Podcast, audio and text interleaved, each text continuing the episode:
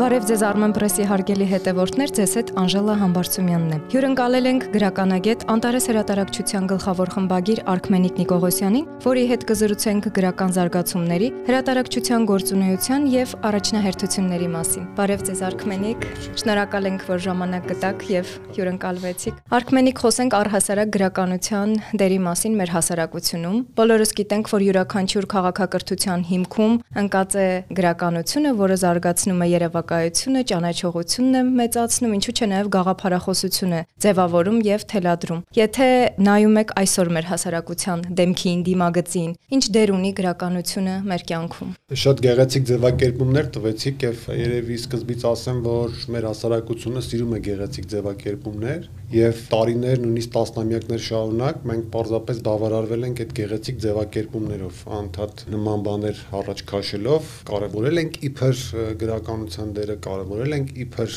ընթերցանության դերը, կարևորել ենք այն օգուտը, որ պետք է տան գրականությունն ու ընթերցանությունը մեր հասարակությանը, մեր ժողովրդին, բայց դրանք ընդհանրապես մնացել են լոզունգների մակարդակում եւ շատ քիչ են իրացվել։ Ինչու եմ այսպես պնդում եւ շատ առումներով նաեւ համոզված պնդում, թե վերջին տասնամյակների մեր իրողությունները, անկախության գործընթացի ու հատկապես վերջին 4-5 տարիների իրադարձությունները իրենց ողբերգական հատակով հանդերձ, չգիտեմ, կոնկրետ եւ ոչ կոնկրետ մեղավորներ ունենալով հանդերձ, նախև առաջ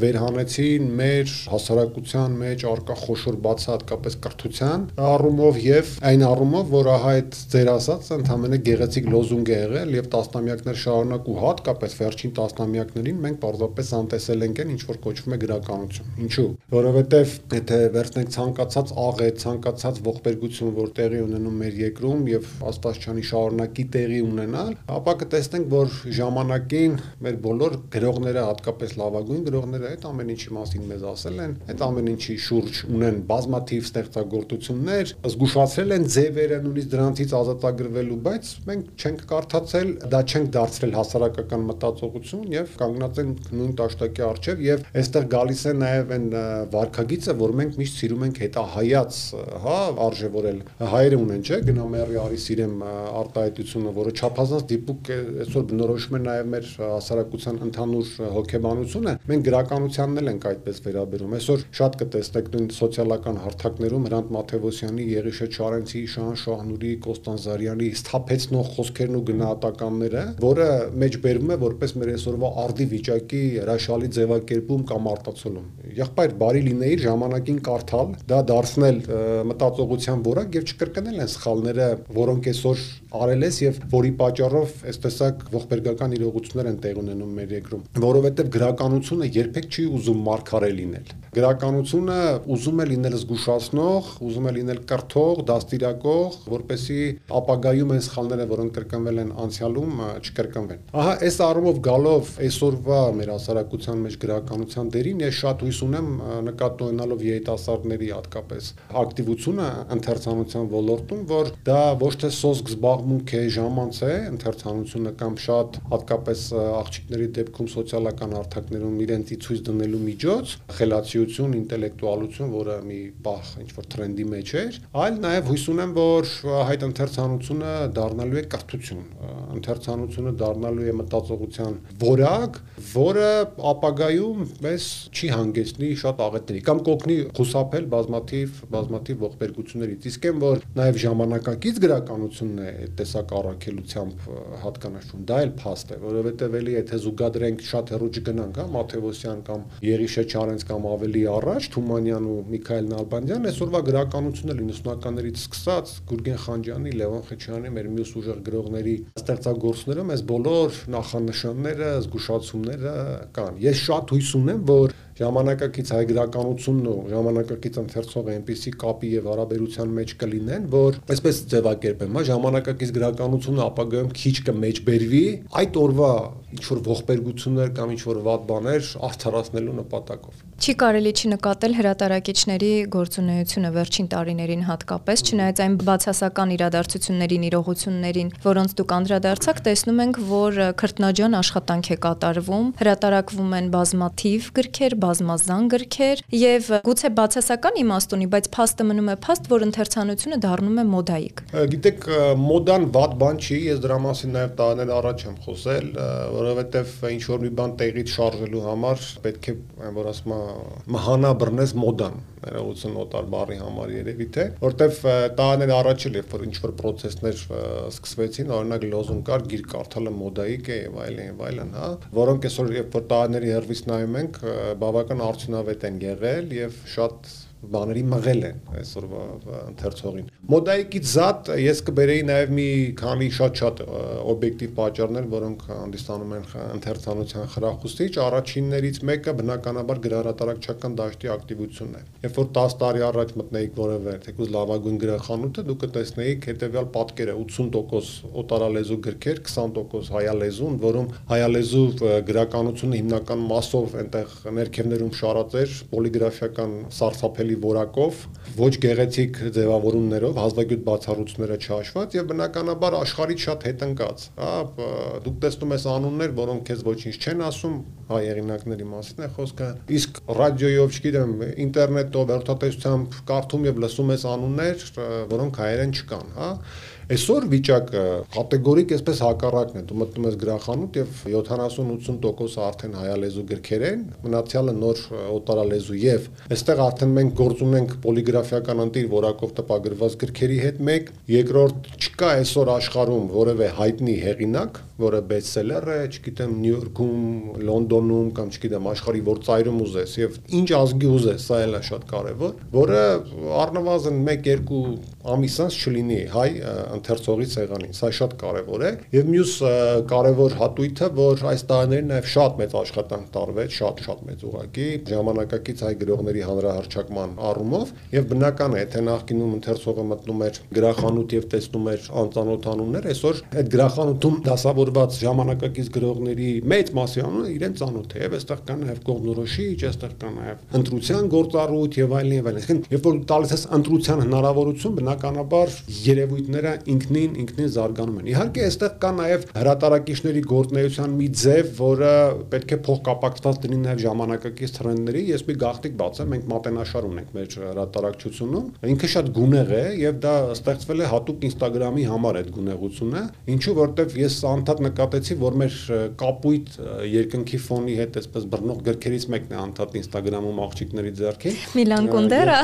որտեվ դա ամենագունեղ գիկն էր։ Ես մտածեցի ինչու՞ չունենալ մատենաշար, որը կլինի աղջիկների բոլոր շորիկների եւ բնության բոլոր գույների այսպես ոգով եւ այսօր նաեւ դա ենք տեսնում։ Ես ճիշտ հասկացա, որ օտարգիրը մատենաշարի մասին է խոսքը։ Բաբելոնյան գրադարան մատենաշարն է։ Ճիշտ ասած, գուցե շատերը այն մարդիկ, որոնք գիրք ընկալում են սոլք որպես հոգեվոր, այսպես երևույթ մի քիչ վատ ընկալեն են ինչ որ ասացի, բայց ժամանակակից այդ միտումները նաեւ գրահրատարակչական դաշտի այդ պոտենցիալը պահել է, ընդհանրում են բնականաբար նաեւ կոմերցիա, կոմերցիոն մարքեթինգային տարեր գրահրատարակչական ոլորտում եւ դա դրանից մեկն է։ Թող որ այսօր շատերը գիրքը ձեռքները վերցնեն նկարվելու համար, ձևի համար։ Ես իմ փորձից գիտեմ, որ գրքի հետ անգամ ձևական մտերմությունը հետագայում վերաճում է իսկական, իսկական մտերմության։ Ինչ վերաբերում է ակտիվությանը եւ աշխատանքին, սա բնականաբար ամենակարևոր բաներից մեկն է, որ կատարվում է մեր երկրում անկախ ամենատարբեր իրադարձություններից, որովհետեւ այսօր եթե մի մեթոդ կա, որը պետք է մեզ դուրս բերի այս ընդհանուր դեպրեսիայից եւ ապատիկ վիճակից, որի մեջ գտնվում է մեր հասարակությունը, աշխատանքն է։ Եվ ես ցավով եմ տեսնում, որ հատկապես սոցիալական հարթակներում կա որոշակի նեգատիվ վերաբերմունք, երբեմն շատ ջղայն, հա, հատկապես դյոտյաներ կան շատ, վերաբերմունք հենց աշխատող մարդու հանդեպ։ Եվ ես հաճախ եմ նաև տեսել, որ մարդիկ նույնիսկ ամաչում են իրենց աշխատանքը հանրայնացնել, որտեվ շատ-շատ է ընդվում է թե ինչ մի ժամանակ դրեն, որ դուք աշխատեք, նստեք մերպես ողբացեք եւ չգիտեմ Facebook-ում ստատուսներ գրեք։ Ես շատ գոհ եմ, որ գրահրատարակչությունը անգամ պատերազմի ամենաթեժ օրերին, իդի այն ամենավատ օրերին, երբ որ բոլորը փակված էին տանը, Հայաստանյան գրահրատարակչությունները բոլորը անխտիր աշխատել են եւ կոնկրետ մեր հրատարակչությունը այդ տարի 2020 թվականին շատ ավելին է արտադրել, շատ ավելին է թարգմանել, տպագրել, խմբագրել, պատրաստել հրատարակության, քան հասարակության եւ նախորդ տարիներին եւ թե հաջորդ տարիներին։ Իհարկե, պատերազմը թամպես հասարակության ընդհանուր այսօր հոգեվիճակը մղում է նաեւ գրքերի որոշակի տեսակավորում, հա, նաեւ որոշակի թիրախներ պայմանավորված մեր երկրի արժեվ ծառացած մարտահրավերներով, նաեւ ինչու՞ չէ տրենդներով եւ այլն եւ այլն, որոնք պետք է այսօր շատ ավելի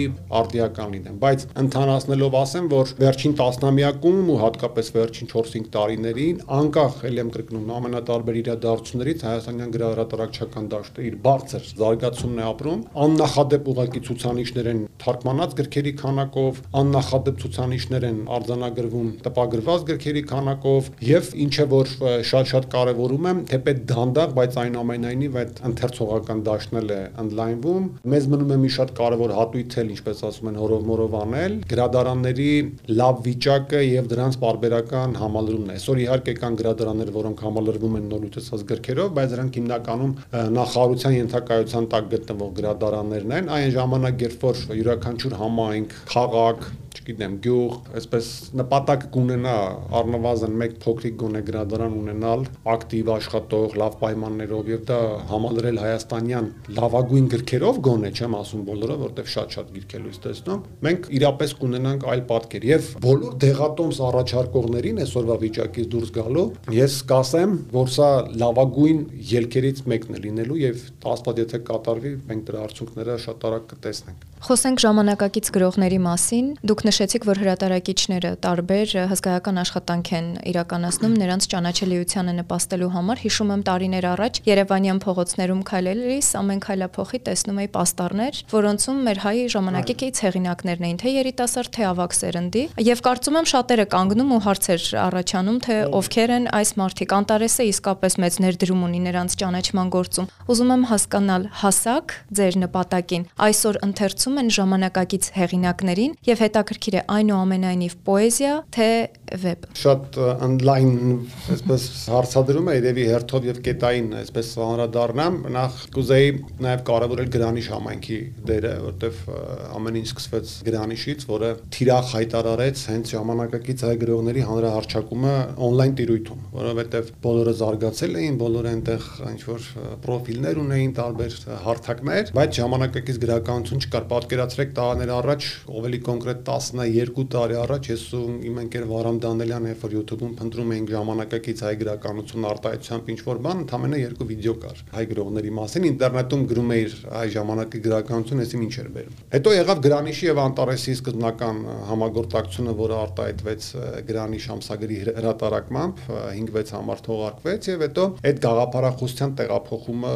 Անտարես հրատարակություն։ Դա հեշտ process չի։ Իհարկե գրողների միությունը աշխատում էր պետ պատվերի պետ աջակցության շրջանակում բազմաթիվ գրքեր էին լույս տեսնում, բայց մենք հենց այդ շրջանում համոզվեցինք, որ պարզապես գրքի լույս տեսնելը դեռևս շատ քիչ է ժամանակակից հայ գրողի ճանաչելիությունը բարձրացնելու համար գրքեր կային եւ շատ կային։ Կարևոր էր նաեւ շատ մի էական աշխատանք, հրատարակչական աշխատանքը, որը իր մեջ կունենար կոմերցիոն եւ մարքեթինգային տարեր։ Եվ ես ուզում եմ այսօր կրկին շնորհակալություն հայտնել Անտարեսին եւ Արմեն Մարտիրոսյանին, որ մտավ այդ ծանր բեռի տակ, որտեղ ի սկզբանե པարզեր, որ ժամանակակից հայ գրողների ստեղծագործությունների հրատարակմամբ, վաճառքով, չգիտեմ, տարածման պետքան գումարներ ներդնելով, պես կոմերցիոն արդյունքի չես հասնի գոնե շատ արագ բայց դա մեծ բերեց մի շատ կարևոր փուլի երբ որ հայ գրողը իսկապես սկսեց ճանաչելի դառնալ ահա այդ հարցերը գնալով պակասեցին ով են ավելին մենք տարիների ընթացքում ունեցանք նաև գրողներ որոնք ունեն երկրպագուներ գրողներ որոնք փնտրվում են ընթերցողների կողմից ունեցան գրողներ որոնց տեսնել են նույն փողոցում կամ ավտոբուսում կամ հասարակական մեկ այլ տրանսպորտում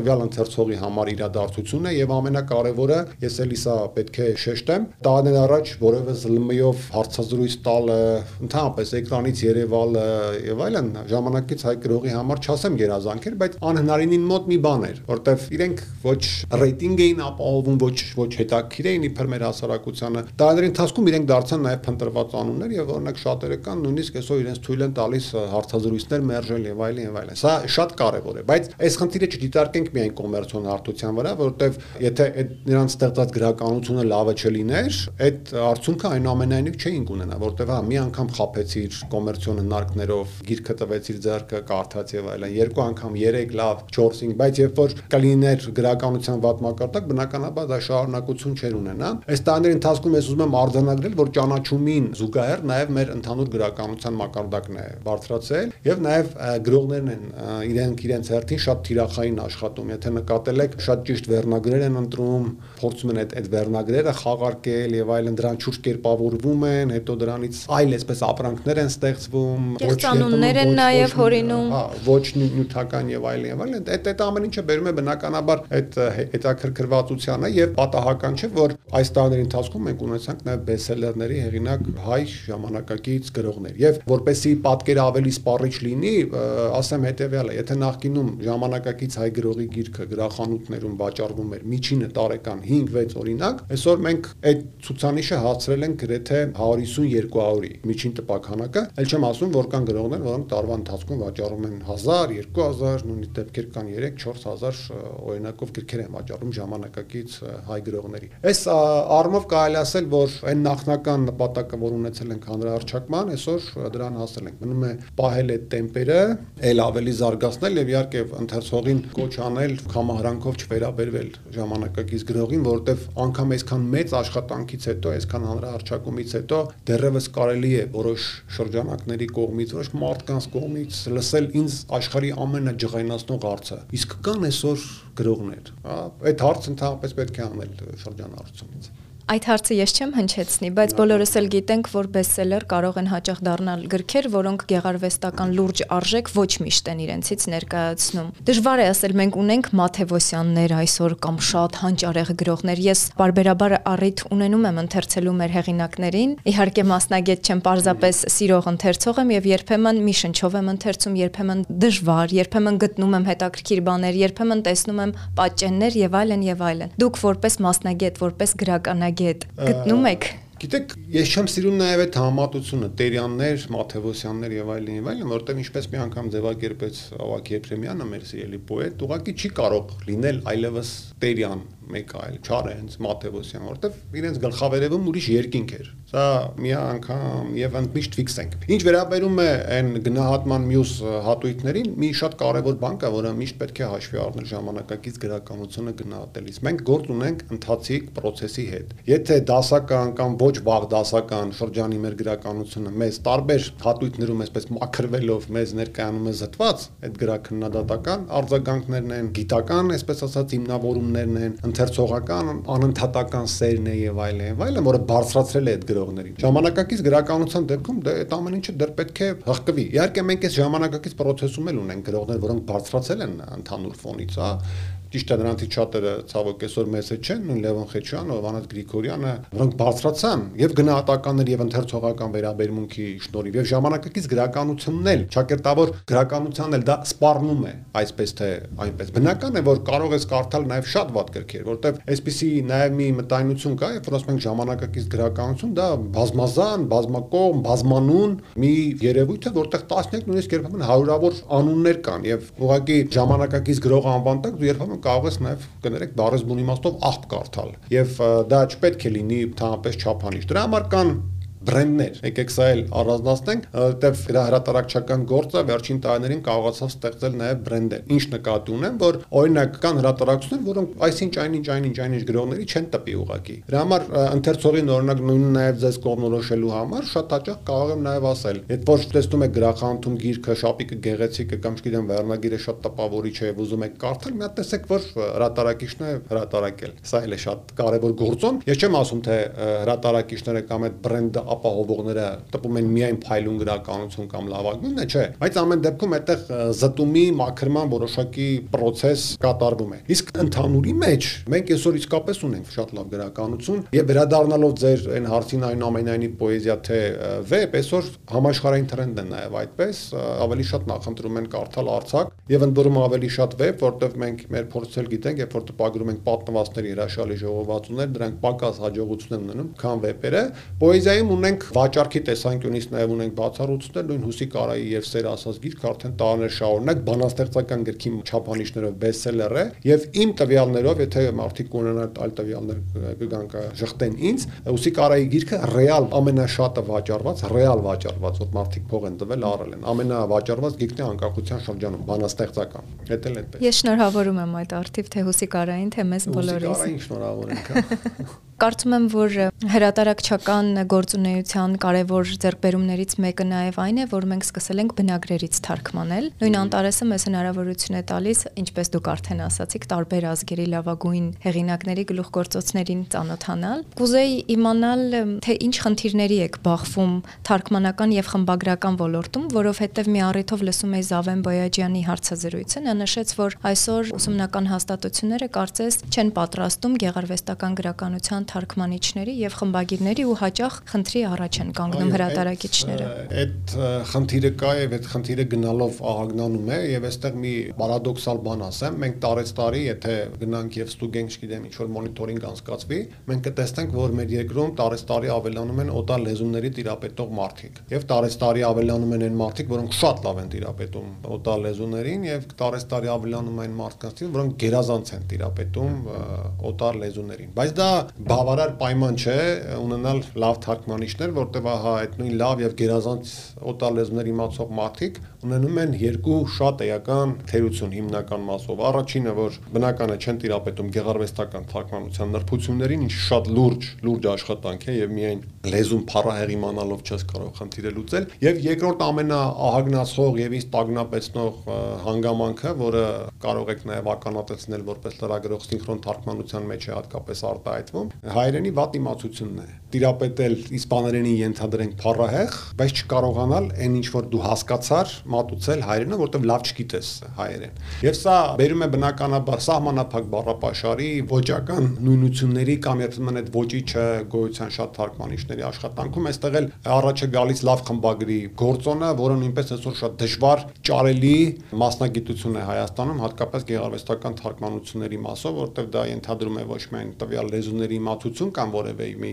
երկրորդ լեզվի, միջնորդ գոնե լեզվի իմացություն, այլ նաև բնականաբար ճաշակ, հայրենի փառահեղ իմացություն, չգիտեմ, ոճի զգացողություն, գրողների ճանաչողություն եւ այլն, այլն, որը շատ բարդ գործ է։ Սրանք իհարկե հանգամանքներ են, որոնք դժվարացնում են այսօր թարգմանական գործը Հայաստանում, թեպետ ընդհանուր վիճակը, եթե քանակական տեսանկյունից նայենք, ուղղակի փայլուն է, դեռ երբեք այսքան շատ գիրք թարգմանական Հայաստանում չի տպագրվել, ինչքան վերջին 10-12 տարիներին։ Սա հավատացեք, անգամ մեր գրականության, մեր մշակույթի պատմության մեջ փառահեղ համարվող շրջաններում, նույն Մխիթարյան միաբանության գործնեայության շրջանում, նույն խորթային շրջանում, երբ որ այդքան գրքեր են թարգմանվել, նմանատիպ աշխատանք ուղղակի չի տարվել։ Եվ ինչն է այստեղ շատ կարևոր, որ ժամանակակից թարգմանական աշխատանքը գնում է համաշխարհային process-ներին զուգընթաց, եւս մեկ անգամ շեշտեմ։ Երկրորդ կարևոր սկզբունքը, որ թարգմանում է բնագիր լեզուներից եւ երրորդ անգամանքը, որ ես նույնպես շատ կարևորում եմ, գնալով ընդարձակվում է հայ թարգմանական լեզուների տիրույթը։ Եթե օրինակ 90-ականների իրողությունները նայեք կամ խորթային իրողությունները, մենք հիմնականում թարգմանել ենք 3-4 հիմնական եւ եւս 2-3 այսպես օժանդակ լեզուներից։ Դրանք ռուսերեն, անգլերեն, ֆրանսերեն, գերմաներեն։ Այսօր Հայաստանում միայն վերջին 10 տարում թարգմանվել է 32 լեզվից գիրք։ Որոշ լեզուներից մեկ օրինակ, երկու օրինակ, բայց այնուամենայնիվ այդ աշխատանքը տարվել է եւ գալով այդ ուսումնական հաստատություններին մեր փորձից էլ ասեմ անձամբ մյուս հրատարակիչներն էլ կունենան այդպիսի փորձ։ Շատ հաճախ այնպես է ստացվել, որ ահա թարգմանիչը ավարտելով բուհ ունենալով բարձրագույն կրթություն եւ այլն եւ այլն, որպես թարգմանիչ ձևավորվել է, աճել է հենց հրատարակչություններում, որովհետեւ խմբագրի, լավ խմբագրի հետ աշխատանքը հավատացեք, մի ամբողջ բուհական դասընթաց արժի, եթե ոչ, եթե ոչ ավելին մանավանդ, որ տվյալ թարգմանիչը ձգտում ունի աշխատելու, ձգտում ունի կատարելագործվելու։ Ես այսօր մի քանի այլ տագնապեցնող այսպես փաստեր եմ նկատում, որ գուցե առաջիկայում մեզ որոշակի խնդիրների առաջ կանգնեցնի։ Դա այնուամենայնիվ այսքան շատ լեզուներ իմանալու պարագայում որոշ լեզուների շուրջ ահավոր մեծ կենտրոնացումն է հիմնականում անգլերենի։ Մենք գնալով օրինակ հազվագյուտ է դառնում նույն գերմաներենից, որը ժամանակին շատ տարածված թարգմանական լեզու էր մեր իրականության մեջ, նույն իսպաներենից, ֆրանսերենից, ահա թարգմանիչների թիվը, որովհետև այստեղ նաև այդ սոցիալական գործոնն էլ կա, որքան էլ մենք ձգտում ենք, որ թարգմանիչները լավ վճարվեն, շատ գործ անեն տարվա ընթացքում, որպեսզի իրենց ապրուստը հայթայթեն, այն ամենայնիվ կա այդ սինխրոն թարգմանության գործոնը, հեշտ եւ շատ գումար վաստակելու գործոնը, որ շատ-շատ շնորհալի մարդկանց ուղղակի թույլ չի տալիս տեղափոխվել գեղարվեստական թարգմանության ոլորտ։ Ես կարծում եմ շատերն են հիմա սրտի թրթյուրով սպասում այն գրքերին, որոնք Անտարեսը պատրաստվում է հրատարակել 2023 թվականին։ Կարող եք հնչեցնել որոշ անուններ։ Տեսեք մի, այսպես հոգեբանական վիճակի մասին պատմեմ, երբ որ ամփոփում էինք 2022 թվականին մեր գործնեությունը հրատարակչությունում, ես մի կարևոր բան ամրագրեցի, երեխեքին ասացի մեր կոլեկտիվին, որ նախկինի պես չենք ուրախանում եւ հրճվում այնքան, երբ որ մի նոր գիրք է գալիս տպարանից, որովհետեւ սովորականացրել ենք այդ երևույթը Պատկերացրիք, տարիներ առաջ, երբ որ 3 ամիսը 1, 4 ամիսը 1 մի որևէ գիրք էին կարողանում հասնել իր վերջնական այսպես անգրվանին, դա ցնծություն էր, որ մաղարիչներ էր, խմել էր եւ այլն եւ այլն տոն էր։ Հիմա դա դարձել է սովորական երևույթ եւ դարձել է աշխատանքային process եւ դա վերաբերում է նաեւ ինֆորմացիայի տիրապետման։ Օրինակ, եթե 1-2 տարի առաջ հարցնեիք, ես բառացի կասեի այս պահին, որ գիրքն է սրբագրիչի մոտ է, որ գիրքն է թարգմանության փուլում է, որ գիրքն է ձևավորողի մոտ, չգիտեմ, որ գիրքն է խմբագրվում եւ այլն եւ այլն այսօր մի քիչ շատ ավելի դժվար եմ տիրապետում այդ տեղեկատվությանը որովհետեւ ահռելի ուղղակի քանակներ են գրքերի ահռելի որովհետեւ ընթացքում եկել են կուտակվել են եւ այսօր կարող եմ այսպես ասել տասնյակ գրքեր այս պահին թարգմանության փուլում են տասնյակ ընդորում շատ շատ տարբեր տասնյակ գրքեր խմբագրման փուլում են տասնյակ գրքեր սրբագրման փուլում են տասնյակ գրքեր ձևավորման փուլում են տասնյակ գրքեր այս պահին տպարանում են տասնյակ գրքեր գուցե այս մեր զրույցից հետո արդեն գան տպարանից եւ համալրեն գրախանութներ ծրագրերը, բայց այնուամենայնիվ որոշ թիրախային բաներ կան, որոնց շուրջ կուզեմ խոսել։ Անակնկալներից ես կարծում եմ, որ 2023 թվականի մեր ամենակարևոր աշխատանքը լինելու է Եղիշե Չարենցի երկերի ակադեմիական հրատարակության սկսումը, որի շուրջ ուշագիր կնքվեց գրականության ինստիտուտի եւ Եղիշե Չարենցի տուն թանգարանի հետ, եւ առաջին հատորը արդեն պատրաստ է, խմբագրման փուլն էլ է ավարտվել, մնում է վերջնական, այսպես խմբագրման փուլը եւ շատ շուտով երևի կազդարարենք արդեն մեկնարկը, որը իմ կարծիքով դարակազմիկ իրադարձություն է մեր գրահրատարակչական դաշտում եւ ոչ միայն։ Ու քանի որ մեր մատենաշահերն արդեն ընթերցողները սովորել են, սիրել են, նաեւ որոշակի տարբերակումների այսպես հարց կա, ստեղծել ենք եւ այս տարի առաջին գրքերը կլինեն Նոբելյանից 5 պակաս անունով մատենաշար, որում ընդգրկված կլինեն արդեն մահացած, սա շեշտեմ, այն հեղինակների գործերը, որոնք 3, 4, 5 եւ ավել անգամ հայտնվել են Նոբելյան մրցանակի եզրափակիչ փուլում, բայց ցավոք այդպես էլ չեն ստացել այդ մրցանակը եւ դրա առաջին ծիծեռնակը կլինի Յոկիո Միշիմայի ոսկե տաճարը վեպը, որը արդեն պատրաստ է եւ այդ գրքով կսկսվի այդ նոր մատենաշարը։ Սկսելու ենք նաեւ դետեկտիվ, սարսափ, ֆենտեզի եւ այլ ժանրեր, այսպես ամփոփող նոր մատենաշար եւ այդ մատենաշարով Զավեն Բոհեջյանի թարգմանությամբ այս տարի լույս կընծայենք աշխարհի մեծագույն ամենասիրած գրողներից մեկի Ջոն Ֆաուլզի հավաքորդը վեպը, որը էլի կարծում եմ շատ մեծ նվեր կլինի մեր ընթերցողների համար։ Մյուս կողմից բնականաբար շարունակում ենք համալրել մեր մատենաշարը, Բաբելոնյան գրադարան մատենաշարով նոր գրքեր կլինեն ու հատկապես հայ դասականների հրատարակություններ, որտեղ ես ինքս տեսա, որ այնուամենայնիվ մեր ժողովուրդը սիրում է դասականներին, անակնկալ արդյունքներ վաճառքի տեսանկյունից Նարդոսի ստեղծագործությունները, չգիտեմ, Մուրացանի, Շիրվանզադեի իսկապես լավ լավ վաճառքներ ունեն եւ այդ գիծը շարունակելու ենք։ Օտարգիր մատենաշարով շարունակելու ենք հատկապես ընթացիկ գրականության համալրում ամենատարբեր երկրների եւ ժողովուրդների եւ ամենատարբեր լեզուներից բնականաբար փորձում ենք լրմանը հասնել Նոբելյան մրցանակակիրներ մատենաշարը, բազմաթիվ Նոբելյան մրցանակակիրներ կան, որ դեռևս չկան հայերեն դրանց։ Նույնպես կապահովենք եւ ընթացիկ process-ները եւ ամենակարևոր մեր հատույթը, մեր աշխատանքի, որ մենք շատ-շատ կարևորում ենք, շարունակելու ենք նույն թափով, նույն տեմպով հանրահարչակել ժամանակակից հայ գրականությունը, տպագրել մեր բոլոր տաղանդավոր հեղինակներին։ Այս պահին մոտ 6 գիրք կա հենց իմ դարակում եւ իմ համակարգչի համապատասխան ֆայլերի մեջ, որոնց շուտ այս պահին աշխատանքներ են տարում եւ այս տարի կհրատարակենք։ Հիմնականում բնականաբար արցակ գործեր են, բայց դե պահանջարկը ինչպես ասում են դա է թելադրում եւ այդ գրքերը այս տարի լույս աշխարհ կգան եւ հուսով եմ որ սիրվեն։ Անպայման կսպասենք շնորհանդեսներին եւ ամենագեղեցիկ ու սպասված սիրված իրադարձություններից մեկը փետրվարի 19-ին Հովանես Թումանյանի ծննդյան օրը գիրք նվիրելու տոնն է։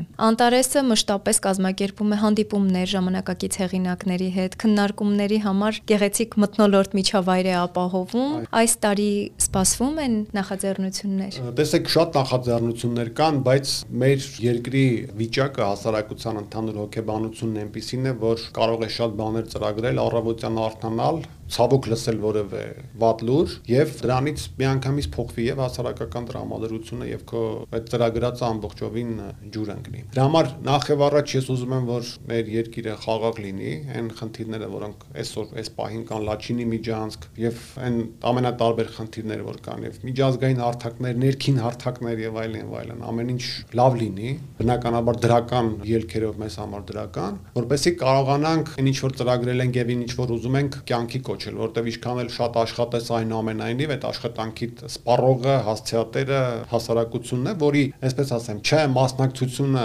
այդ իրադարձությանը բնականաբար զրկում է այն տոնից, հանդիսավորությունից, այն շուկից, որը պետք է անեիր։ Իհարկե նախատեսվում է շատ-շատ բաներ, շատ-շատ բնականաբար դրա կենտրոնը լինելու է մեր գրախանութում գրքերի շատ մեծ զեղչերով վաճառքը, որոնք հայտնի են որպես արքայական զեղչեր, լինելու են նվերներ, լինելու են էլի բնականաբար ձեր թվարկած հանդիպումները, բայց բայց ամենակարևորը այդ մտնոլորտի ապահովումն է, որը մենք միշտ ցկտել ենք, որ ժամանակակից գրողը, ժամանակակից թարգմանիչը, ընդհանրապես գրականությամբ, հնարարչակման զբաղվող մարդը եւ ընթերցողը հանդիպեն, շփվեն, զրուցեն, ավելի շատ սիրեն իրար կամ վերջնականապես հիասթափվեն իրարից, կան ստեղծել այն հարթակը, որտեղ այդ հանդիպումները կլինեն։ Ես շատ հույս ունեմ, քանի որ անուղելի լավատես եմ այն ամենայնի, որ մենք այս տարի փետրվարի 19-ը կնշենք, չեմ ասում, տոնենք, կնշենք հավուտ պատշաճի եւ այն շուկով, որով այդ օրը հատկանշվել է հատկապես վերջին տարիներին։ Հուսամ ոչինչ չի խանգարի ձեր ծրագրերի իրագործմանը։ Եվս մեկ անգամ շնորհակալ եմ, որ ժամանակ գտակ եկաք, հյուրընկալվեցիք եւ ամենայն բարիք եմ մաղթում։ Շնորհակալ եմ։